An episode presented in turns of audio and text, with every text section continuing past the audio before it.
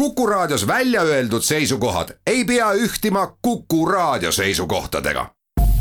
Te kuulate Kuku Raadiot.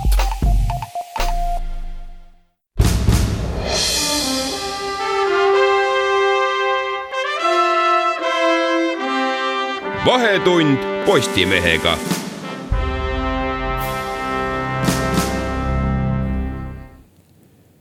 tere päevast, kell siin Kuku raadio stuudios on saanud kolmteist null seitse ja alanud on järjekordne Vahetund Postimehega, mina teie saatejuht Henri-Laur Allik Postimehe uudistetoimetusest.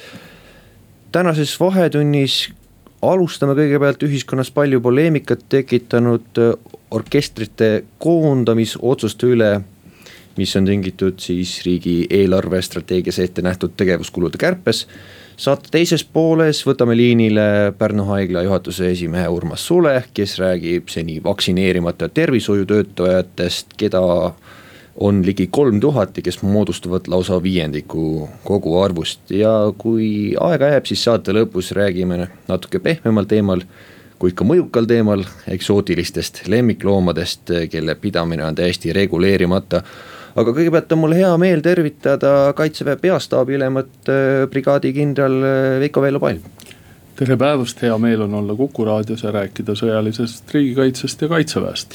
ja meil on ka Eesti Muusika- ja Teatriakadeemia klarneti ja puhkpilliorkestri dirigeerimise professor Toomas Vavilov, tervist. tere päevast, tere pärastlõunat ja väga hea meel on rääkida muusikast ja militaariast no tänaseks on selge, et kaitseväe kui ka PPA orkestrit ootab suurema tõenäosusega ees koondamine.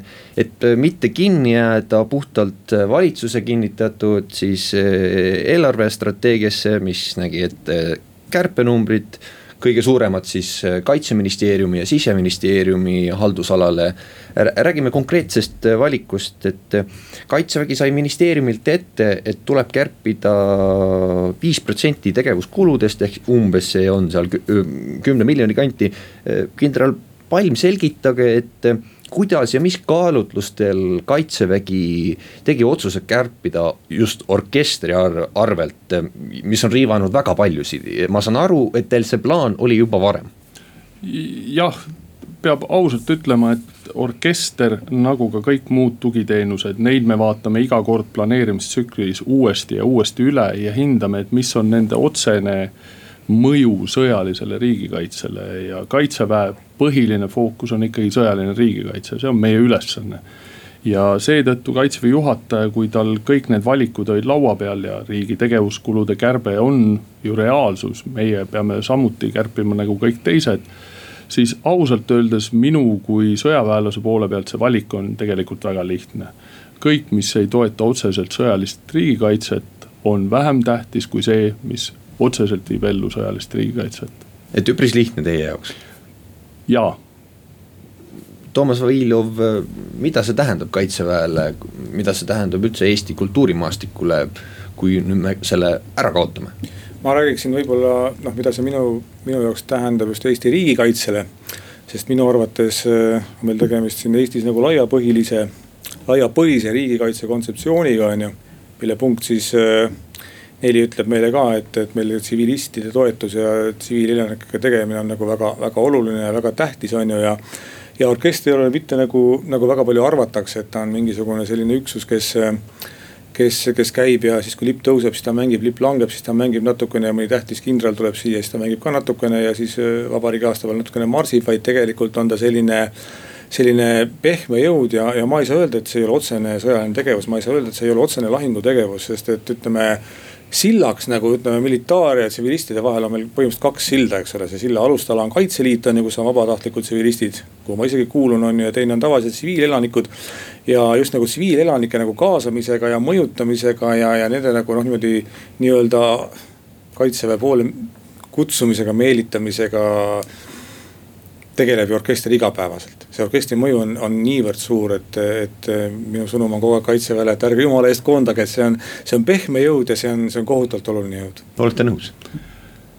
oleneb millega, kaitseväe orkester on väga hea, sellega ma olen nõus. kaitseväe orkester on tegutsenud äh, kakskümmend pluss aastat ja nad on olnud äärmiselt, äärmiselt professionaalsed, meil ei ole kaitseväe orkestrile kui orkestrile mitte ühtegi etteheidet, nad on olnud väga-väga head kuid kindlasti ma ei ole nõus sellega, et, et see on põhiline sild, mis ühendab tsiviilühiskonda ja kaitseväge. meie põhiline sild, mis ühendab tsiviilühiskonda ja kaitseväge, on meie reservarmee mudel üleüldse ja meie reservväelased ja ka ajateenistused. see on, see on see side, mis ei kao ära ka peale elukutselise orkestri eh, koondamist või kinnipanemist ja ma tahangi just siinkohal selle vahe tõmmata, et me ei, ju ei räägi sõjaväemuusika lõpetamisest, nagu väga palju räägitakse või üleüldse muusika lõpetamisest sõjaväes vaid me räägime ainult elukutselisest orkestrist ja selle kaotamisest, et meil jäävad alles ka sõjaväeorkestrid Kaitseliidu koosseisus, mis tõsi küll, ei ole elukutselised ja võib-olla ei ole ka sellisel muusikalisel tasandil.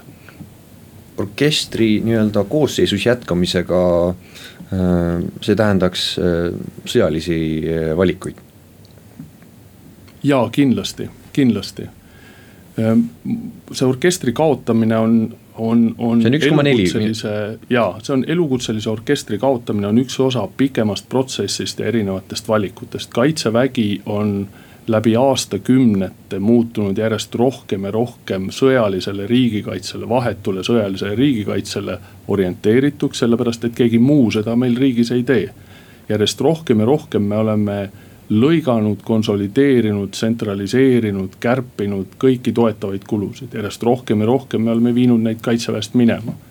See, millega tegelesid kaitseväe ohvitserid ja väeosa ülemad üheksakümnendatel on nagu öö ja päev võrreldes sellega, mis nad tegelevad aastal kaks tuhat kakskümmend üks.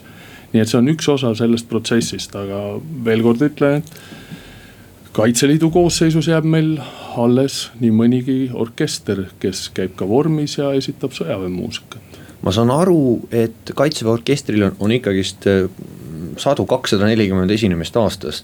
Ja et mul, mulle on ka vihjatud, et need kõik ei ole mitte sellised äh, koosseisulised äh, paraadid, tähtsündmused, et mõnede ürituste eest saab orkester ka tasu, et see on kall-, kallis asi, mida endale tellida. kuhu see raha kõik kaob?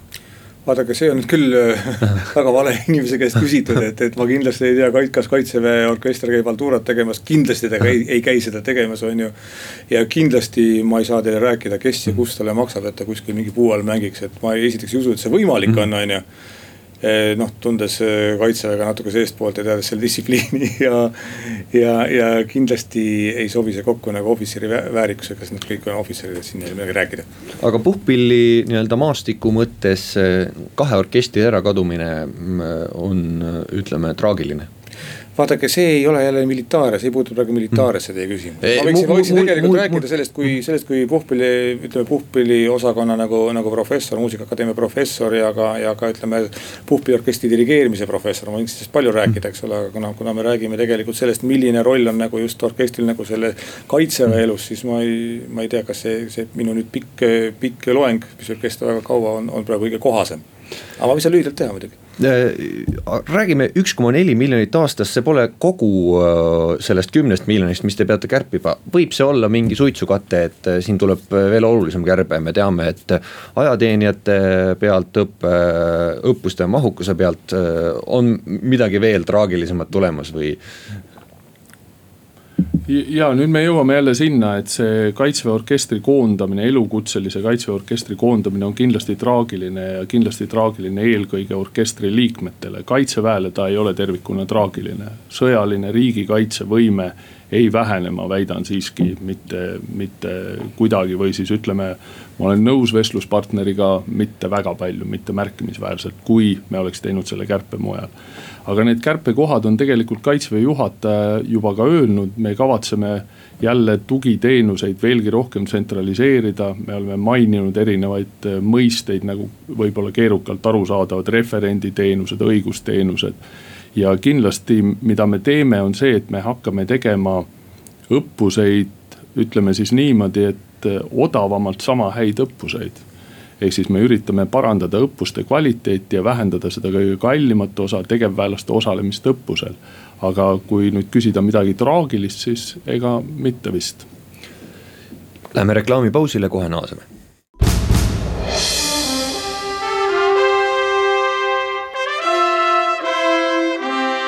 vahetund Postimehega.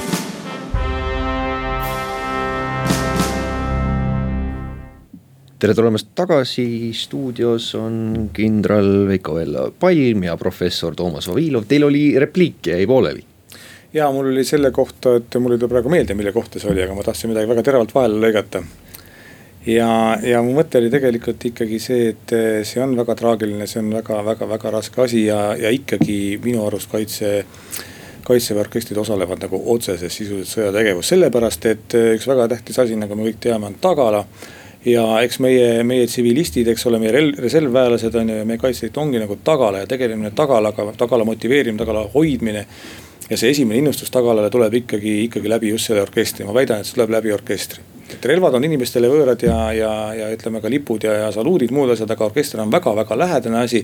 ta toob kaitseväe Eesti inimesele lähemale, see on kindlasti noh, väga-väga-väga selge räägime tulevikust, kaitsevägi on, ma saan aru, maha joonistunud plaani, kuidas siis tähtpäevade puhul, vabariigi aastapäeva puhul jääks kindlalt ikkagist kaitseväe vormis orkester mängima.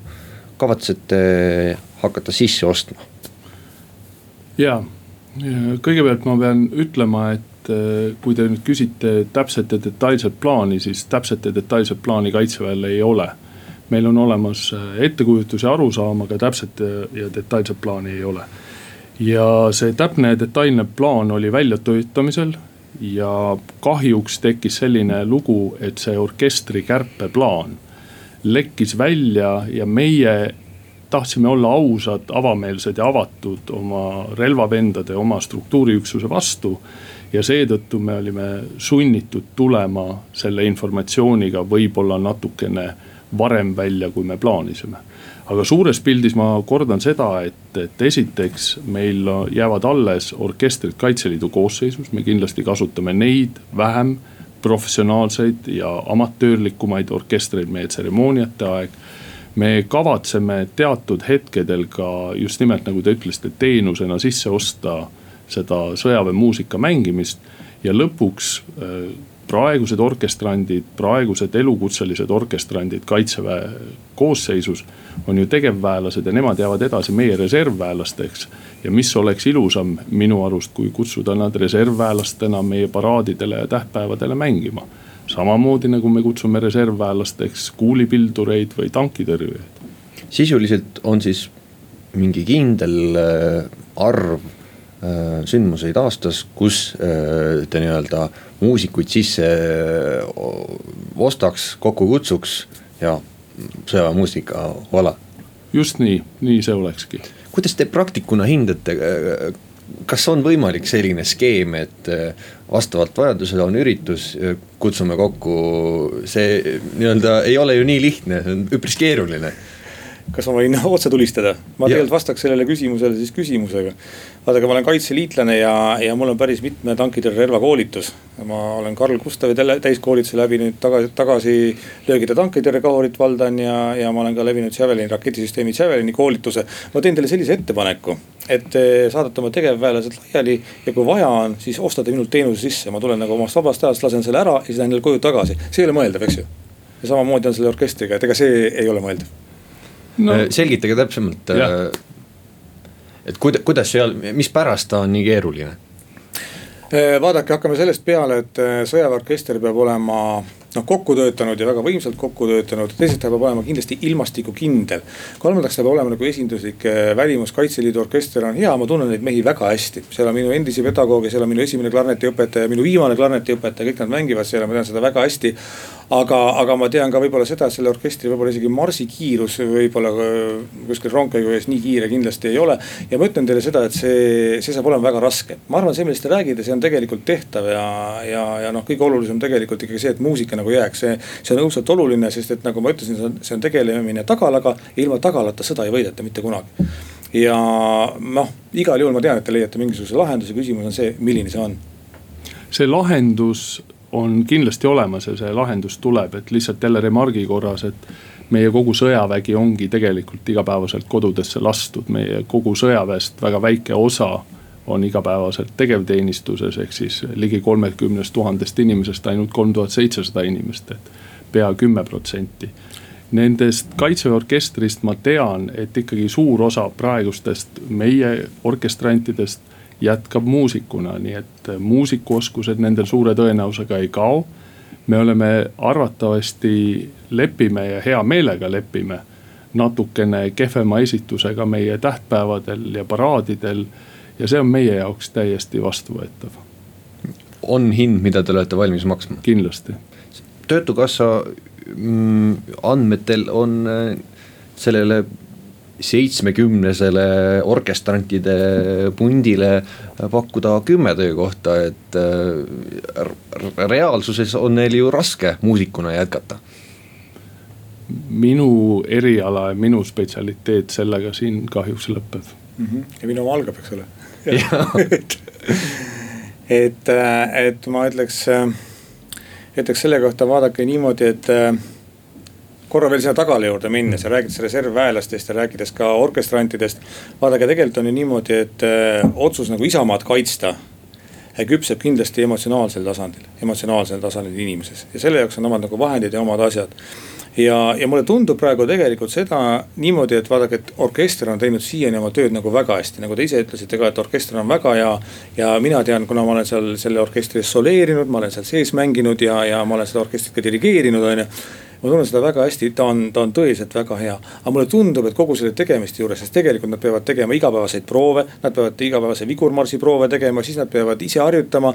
Eh, siis nad peavad veel, veel salvestama ja, ja samal ajal on ka tegevväelased koos oma tegevväelase õppega, eks ole, et nendel tegelikult see koormus, millega nad töötavad, on nagu meeletult suur, on ju. ja samal ajal nad on tõeliselt minu jaoks ja noh, ma olen siin emotsionaalne et nad on selleks sillaks nagu ütleme selle noh, selle kõige karmima militaarmaailma ja selle natuke pehme militaarmaailma vahel ja siis täiesti tsivilistide vahel on ju.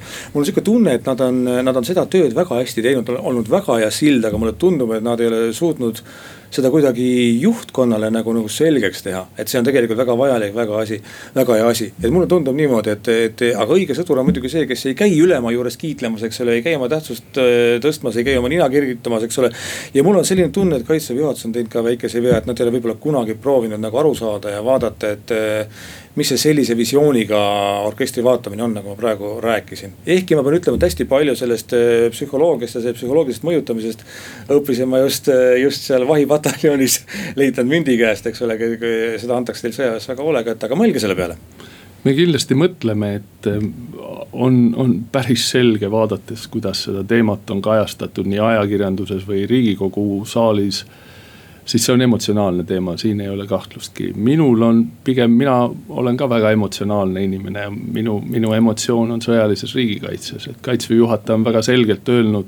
ja need on väga robustsed sõnad ja väga sirgjoonelised sõnad, et vaenlane peab hakkama surema esimesest päevast, esimesest tunnist ja esimesest sekundist alates, kui ta Eestimaale tuleb ja me praegu keskendume sellele, et panna vastast surema nii kiiresti kui võimalik ja selleks valmistuda ja seetõttu, kui minu valik on see, et kas panna kinni kaitseväe orkester või osta kehvemad relvad meie meestele, siis kaitseväe orkester ikka ja alati kinni lõpetuseks hästi lühidalt, äh, Tallinna linnapea Mihhail Kõlvart on teinud ettepaneku, et äh, aga pole probleemi, võtame äh, orkestri Tallinna linna alla, lühike repliik, mis te arvate? kas ma võin ettepaneku teha, et vangutame mõlemad korraga pead ja lööme klaase kokku, et see ei lähe mitte. aitäh, kuulame ära uudised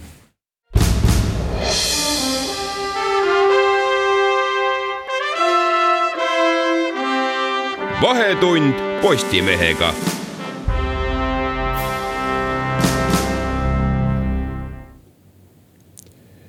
tere tulemast tagasi, kuigi vaktsineerimisjärjekord on jõudnud juba tavainimeste kätte, siis reaalsuses on Eesti Haigekassa andmetel veel viiendik tervishoiutöötajatest ehk umbes kolm tuhat inimest veel vaktsineerima, vaktsineerimata olen äh, palunud liinile Pärnu haigla juhi Urmas Sule, tervist. tervist.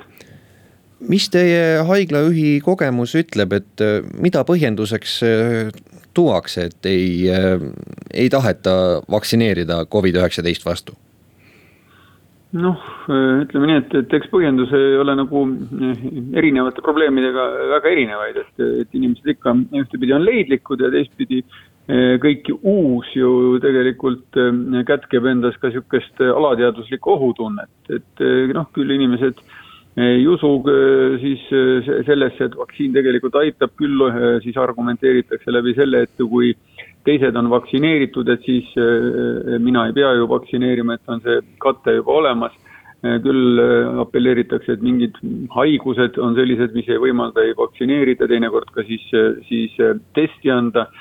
Et noh, neid põhjuseid on hästi palju, aga noh, üldine alatoon on see, et need põhjused on enamuses on, on emotsionaalsed ja on kindlasti ka inimesi, kellel tegelikult noh, ongi selline elustiil või, või sellised elulised tõekspidamised, et, et noh, et nad sellesse kaasaegsesse või ütleme, selle tõenduspõhise meditsiini väga ei usu ja sel puhul on need inimesed ikkagi sellised eluvaatelised seisukohad ja, ja nendel juhtudel tõesti noh, nende seisukohtade lähendamine siis äh, tänase tõenduspõhise meditsiiniga on, on praktiliselt võimatu. ehk äh, suuremas pildis või siis teaduslikust perspektiivist vaadates ei ole need tihti adekvaatsed? no ma pigem ütleks nii, et meie oleme nagu jõudnud selge arusaamisele, et, et tegelikult lõviosas need probleemid ei ole siis või ütleme, see vastuolu siis noh, see tõenduspõhise meditsiini seisukohtadega ja inimese isiklike seisukohtadega ei ole nii noh, ütleme nii jäigalt kivisse raiutud et eh, kui me Pärnus alustasime seda vaktsineerimiseks, eh, töötajate siis vaktsineerimiseks ettevalmistusi, siis me tegime juba eh, eelmise aasta novembris küsitluse, et milline on inimeste valmisolek ja siis seal tuli väga selgelt välja, et circa nelikümmend protsenti inimesi olid kohe valmis, siis kolmkümmend protsenti umbes olid kõhklejad ja kolmkümmend protsenti, kes ütlesid, et nemad nagu esimese hooga ei ole aga noh, kui lähed nüüd praktiliselt lähed tegema, siis täna võin öelda sellega, et mul on praegu äh, aruanne äh, laual, mis on viiendast maist, see on viimane, kui me tegime siis selle tervikaruande ja teeme seda kord kuus. ja seal võin öelda nii, et, et haiglas on meil üle tuhande neljasaja viiekümne töötaja, viienda mai seisuga on vaktsineerituid tuhat ükssada üheksakümmend üheksa. Arstidest on üheksakümmend protsenti vaktsineeritud, õdedest kaheksakümmend protsenti, hooldustöötajatest seitsekümmend kaheksa ja ülejäänud muust personalist siis seitsekümmend protsenti. ehk siis see tähendab tegelikult seda, et need inimesed, kes võtsid mõtlemisaega, et kuidas tegutseda ja, ja, ja käituda, siis, siis nendest väga suur osa, et noh, praktiliselt kõik on otsustanud eh, siis ikkagi ennast lasta vaktsineerida, et on aru saanud, et see on tegelikult nende poolt ja siis patsientide suhtes vaadatud kõige õiglasem otsus ja seda päris sadat protsenti ma arvan, et me kunagi ei saavutagi, sest et alati on ka mingisuguseid selliseid põhjuseid, mille kohta tõesti võib äh, siis äh, öelda, et, et vot sellel ühel töötajal võib-olla on vot täpselt see põhjus, miks ei saa teha, noh. et äh, siin on neid argumente ma võib-olla ei hakkaks praegu välja tooma, nii et tegelikult julgen väita, et selline trend on ka kõigis haiglates, et tegelikult töötajad on kaasa tulnud, mõnes kohas nad tahavad rohkem aega saada, töötajad teises vähem. Noh, näiteks äh, kõige äh, tublim siis vaktsineerimisprotsendilt on Hiiumaa haigla, seal on praktiliselt kõik töötajad, seal üksikud töötajad on, kes on vaktsineerimata. nii et, et see kultuuriline keskkond ikkagi mõjutab, et kui on niisugune üldine hoiak, inimesed tulevad sellega kaasa ja seda me teame, et on ka nii-öelda Ida-Virumaa haiglates kõige suuremad probleemid, aga ma küsin võib-olla nii, et haiglajuhi perspektiivist patsiendile on ju vaktsineerimata arst äh, oht. kuidas te vaatate nendele ja mis lahendus siin on nendele inimestele, kes siiani ei ole vaktsineeritud? Jah, et noh, see primo non nocere, seda hinnlaste ütlus ehk esmaselt mitte siis teha halba või, või, või mitte kahjustada patsienti, see on meie peamine diviis. Ja, ja teine pool, millega tuleb siis haigla juhtimisel või, või ütleme, haigla Äh, toimepidevuse tagamisel arvestada, on see, et, et äh, me peame inimestele andma ka äh, valiku, ehk tegelikult ühe alternatiivi pakkumine alati on, on halb, see tekitab äh, sageli veel suuremat vastuseisu. nii et praegu on tegelikult kaks alternatiivset varianti. inimesed, kes on vaktsineeritud, siis äh, nende osas äh, noh, ütleme järelevalvet rohkem pole vaja teostada, nad, neil on antikehad, nad on selles mõttes äh, oma panuse siis patsiendi heaks andnud. Nüüd teine variant on see, et, et töötajaid regulaarselt siis testitakse ja, ja ka see töötab täiesti, et see regulaarsus on pandud ka natuke erinevalt paika, sõltuvalt ametikohast. aga inimesi regulaarselt testides, saades kinnituse, et nad ei ole Covid positiivsed, sellega me tegelikult saavutame saavutame natukene keerulisemal teel, aga saavutame sama, sama tulemuse. ehk siis haigla peab tagama patsiendi jaoks siis võimalikult suure turvalisuse et kunagi sadat protsenti ei saa äh, garanteerida, et ikka inimene võib trepi peal kokku puutuda teise inimesega, kes ei tea, et ta on veel haige. aga haigla poolt me sel juhul saavutame mm, selle äh, tulemuse, et ikkagi see äh, protsent on praktiliselt sada, et me saame garanteerida, et inimene haiglasse tulles ikkagi tervishoiutöötajalt seda nakkust ei saa. lõputult ju testima ei saa jääda, ikkagi oht on olemas, kas selline jõuline lähenemine Äh, lahtilaskmine, palkade vähendamine, muud äh, nii-öelda meetodid äh, on õige lahendus? Mm, noh, mina niimoodi seda ei sõnastaks. noh, võtame siis niimoodi, et kui inimesel, noh, kui sa tahad haiglas töötada ja haiglal ei ole valikut, et haigla Eestis tegeleb tõenduspõhise meditsiiniga ja kui sul tõesti on äh, kindlad veendumused, et äh, sa ise ei jaga seda seisukohta, siis noh, tegelikult küsimus ei ole vaktsineerimises. küsimus on selliselt, et selline inimene, kes ei jaga neid tõekspidamisi ja ei taha seda äh, tööd sellisel moel teha, et selliste inimestega on väga raske kollektiivis noh, haigla igapäevatööd teha. ehk teisisõnu tegelikult, kui on selline konflikt, jah, ka meil on siis töösuhteid lõpetatud Pärnu haiglas on ka teistes haiglates seda teinud, aga mina ei nimetaks seda karistusaktsiooniks.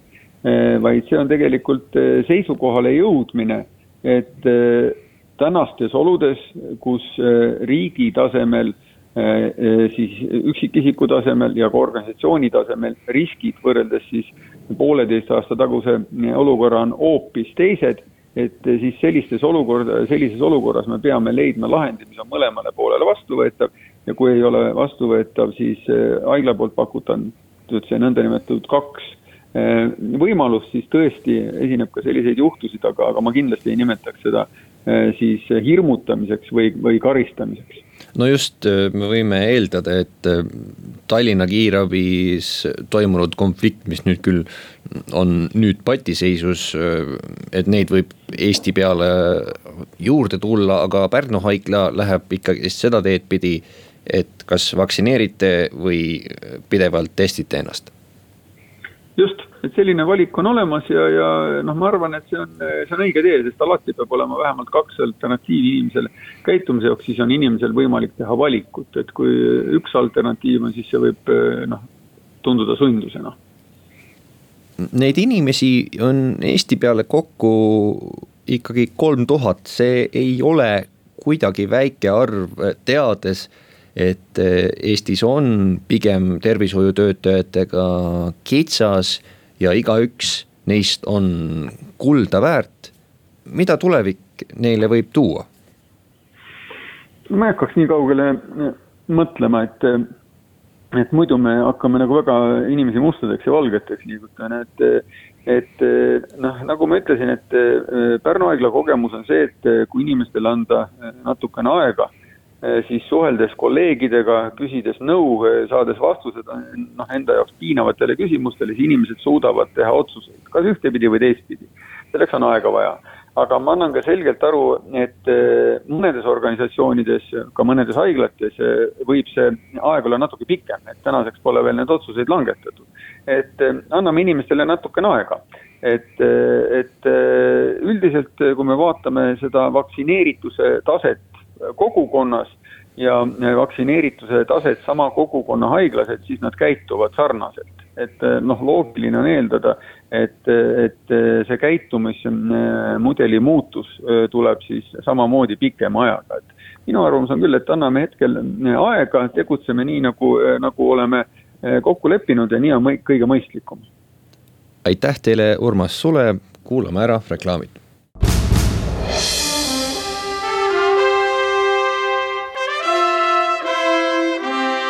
vahetund Postimehega.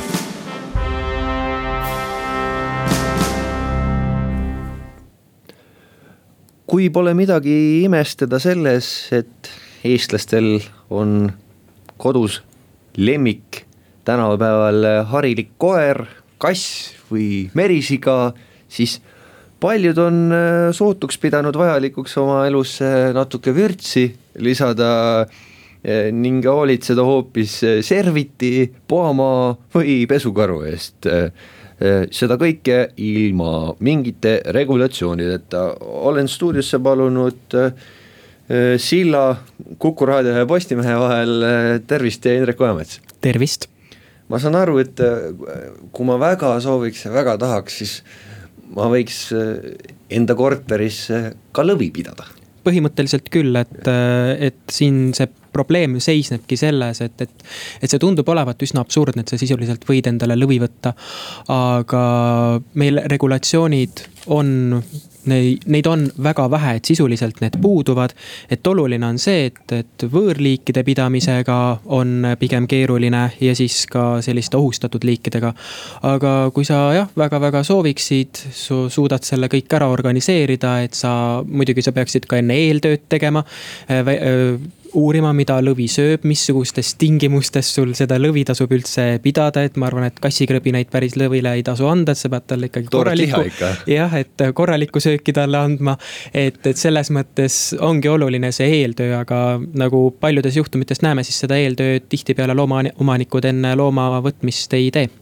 miks äh, see alaregur-, reguleeritus ikkagist on, et ei taheta sellega tegeleda või ei, ei, pole aega sellega tegeleda? sellega on niimoodi, et ma rääkisin, ma uurisin äh, põllumajandus- ja toiduametist ehk siis endine veterinaar- ja toiduamet, et ma uurisin sealt selle kohta, kes selle alaga siis nagu tegeleb. et nad on äh, saanud küll kokku kokku seal erinevate nende huvipooltega. see noh, nüüd ta on mõnevõrra nagu soiku jäänud, et, et nad on proovinud sellega tegeleda, aga see on selline üsna reguleerimata ala ja kuhugi ei ole veel jõutud. et sellist kui noh, ongi praegu see, et noh, isegi näiteks sa ei pea ju kuskil registreerima ka seda, et kas sul on kass või koer. et noh, täpselt samamoodi sa ei pea ka kellelegi ütlema, et kas sul on madu, lõvi või kes iganes seal kodus, et. et see ongi see, et üleüldse nende lemmikute selline regulatsioonide öö, asi, see on noh, seda lihtsalt ei ole põhimõtteliselt. sellest ma saan aru, et meil ei ole mitte mingit ülevaadet, palju neid loomi on palju meil koeri, kasse sisuliselt see ülevaade puudub, et, et seda sellist täit, täit statistikat eh, seda meil tegelikult ei ole, et noh, nii palju mulle Loomakaitse Selts oskas öelda, et näiteks umbes kolm tuhat eksootilist looma tuuakse siia aastas, aga eks sealt on nagu noh, sealt lähevad osad nagu loomapoodidesse, paljud tulevad nagu niimoodi, inimene ise tellib endale. et, et, et see on selline ligikaudne, aga ega keegi nagu täpselt neid arve öelda ei oska kas asjaosalistel on siis ka lahendusi välja pakutud või pigem lähme sama paadiga edasi? Lahendusi on, ka Euroopa Liidus tegeletakse sellega, et proovitakse neid lahendusi leida, et, et sisuliselt on praegu noh, on kaks lahendust välja pakutud, et üks võimalik lahendus oleks teha selline negatiivne nimekiri ja teine oleks teha positiivne nimekiri, et ma nüüd selgitan natukene, et mis nende erinevus on, et.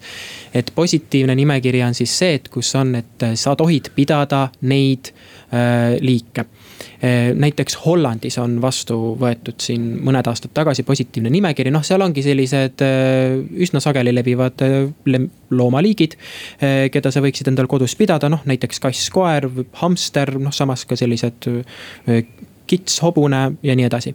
aga siis on ka negatiivne nimekiri, kus öeldakse, et pannakse nimekirja need, mida sa ei tohi pidada aga sellega on natukene keeruline see, et neid võib järk-järgult nagu juurde tulla, et keda sa ei tohi pidada. et jälle keegi toob sult kusagilt eksootiliselt maalt mingisuguse veidra looma, keda ei ole keegi taibanud sinna negatiivsesse nimekirja panna.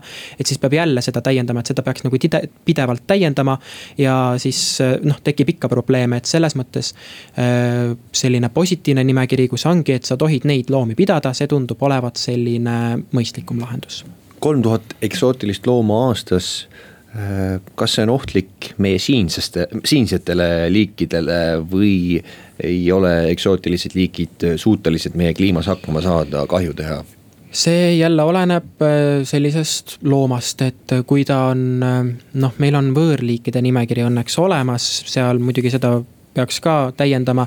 et kui sa tood endale võõrliigi, et siis äh, näiteks pesukaru või punakõrv ilukilpkonna, et siis äh, kui ta loodusesse satub, et siis sellega on, võib juhtuda, et hakkab ikkagi, ta jääb siin ellu tema selline tõrjumine või siit väljasaamine on ikkagi üsna keeruline, et just nimelt võõrliikide puhul on see, et aga noh, on olnud juhtumeid, kus inimene võtab endale pesukaru, kes on Eestis võõrliik ja on teda pidanud näiteks Lasnamäe korteris no kassi ja koera on üpriski lihtne võtta. Äh, rõõm on ka suur, aga miks inimesed äh, ikkagist lähevad selle pohamaa või äh, kilpkonna või pesukaru peale või, või ma nägin siin see üks naisterahvas oli serviti endale. serval, jaa, serval. serval, serval, jah. serval, selline Aafrika kasslane Eh, miks inimesed võtavad, no eks neid põhjuseid on päris erinevaid, et, et kui me võtame selle Servali näite, et siis eh, see naisterahvas, kes endale on Servali võtnud, tema on ikkagi enda pärast võtnud ja tal on ikkagi aastaid olnud huvi selliste, selliste loomade vastu, tal oli huvi gepardite vastu, et, et noh. temal on nagu ikkagi selline tõsine huvi olnud ja ta on noh, ta ikkagi on väga-väga palju eeltööd teinud ja ta ikkagi teab, mis loom tal seal kodus on aga noh, teine on jällegi see, et, et tundub olevat, et oh, vot kui lahe oleks, kui mul oleks kodus näiteks ahv. või küll oleks tore, kui mul oleks kodus äh, poamadu. aga ongi see, et, et teinekord äh, tehaksegi selliseid spontaanseid oste. Äh, ostadki selle mingisuguse mao endale ja ega sa väga ei mõtlegi, et, et aga mida ma talle süüa annan missugustes tingimustes ma pean teda pidama. et, et see ongi nagu see probleem ja eks on ju tore panna Instagrami pilt, et oh, et mul on madu, aga ikkagi oluline on see, et sa selle mao eest hoolitseksid ka. pärast pilti mm, selle mao eest tavaliselt ei hoolitseta või inimesed ei oska mm ja see ongi probleem, et inimesed ei oska hoolitseda, et ma rääkisin ka ühe loomaarstiga, kes tõi näite, et umbes kaheksakümmend protsenti nendest hädadest, millega loomaomanikud eksootiliste loomadega just nimelt tulevad loomaarsti juurde, ongi põhjustatud sellest, et nad ei tea, kuidas seda looma pidada. et mõnele tulebki üllatusena, et ahaa, ma pean kilpkonnale juua andma, kuigi tegemist on kuival, noh kuivas piirkonnas elava loomaga. et, et inimesed lihtsalt ei tee eeltööd ja nad ei uuri, mida sa pead sellele loomale võimaldama ja mida sa talle sööta tohid. aitäh, Indrek, saatesse tulemast selline oli tänane hoogne Vahetund Postimehega. mina olen teie saatejuht Henri-Laur Allik. oleme eetris uuesti nädala pärast, kui siin on saatejuht Mart Raudsaar, Postimehe peatoimetaja, seniks kõike head ja peatse kuulmiseni.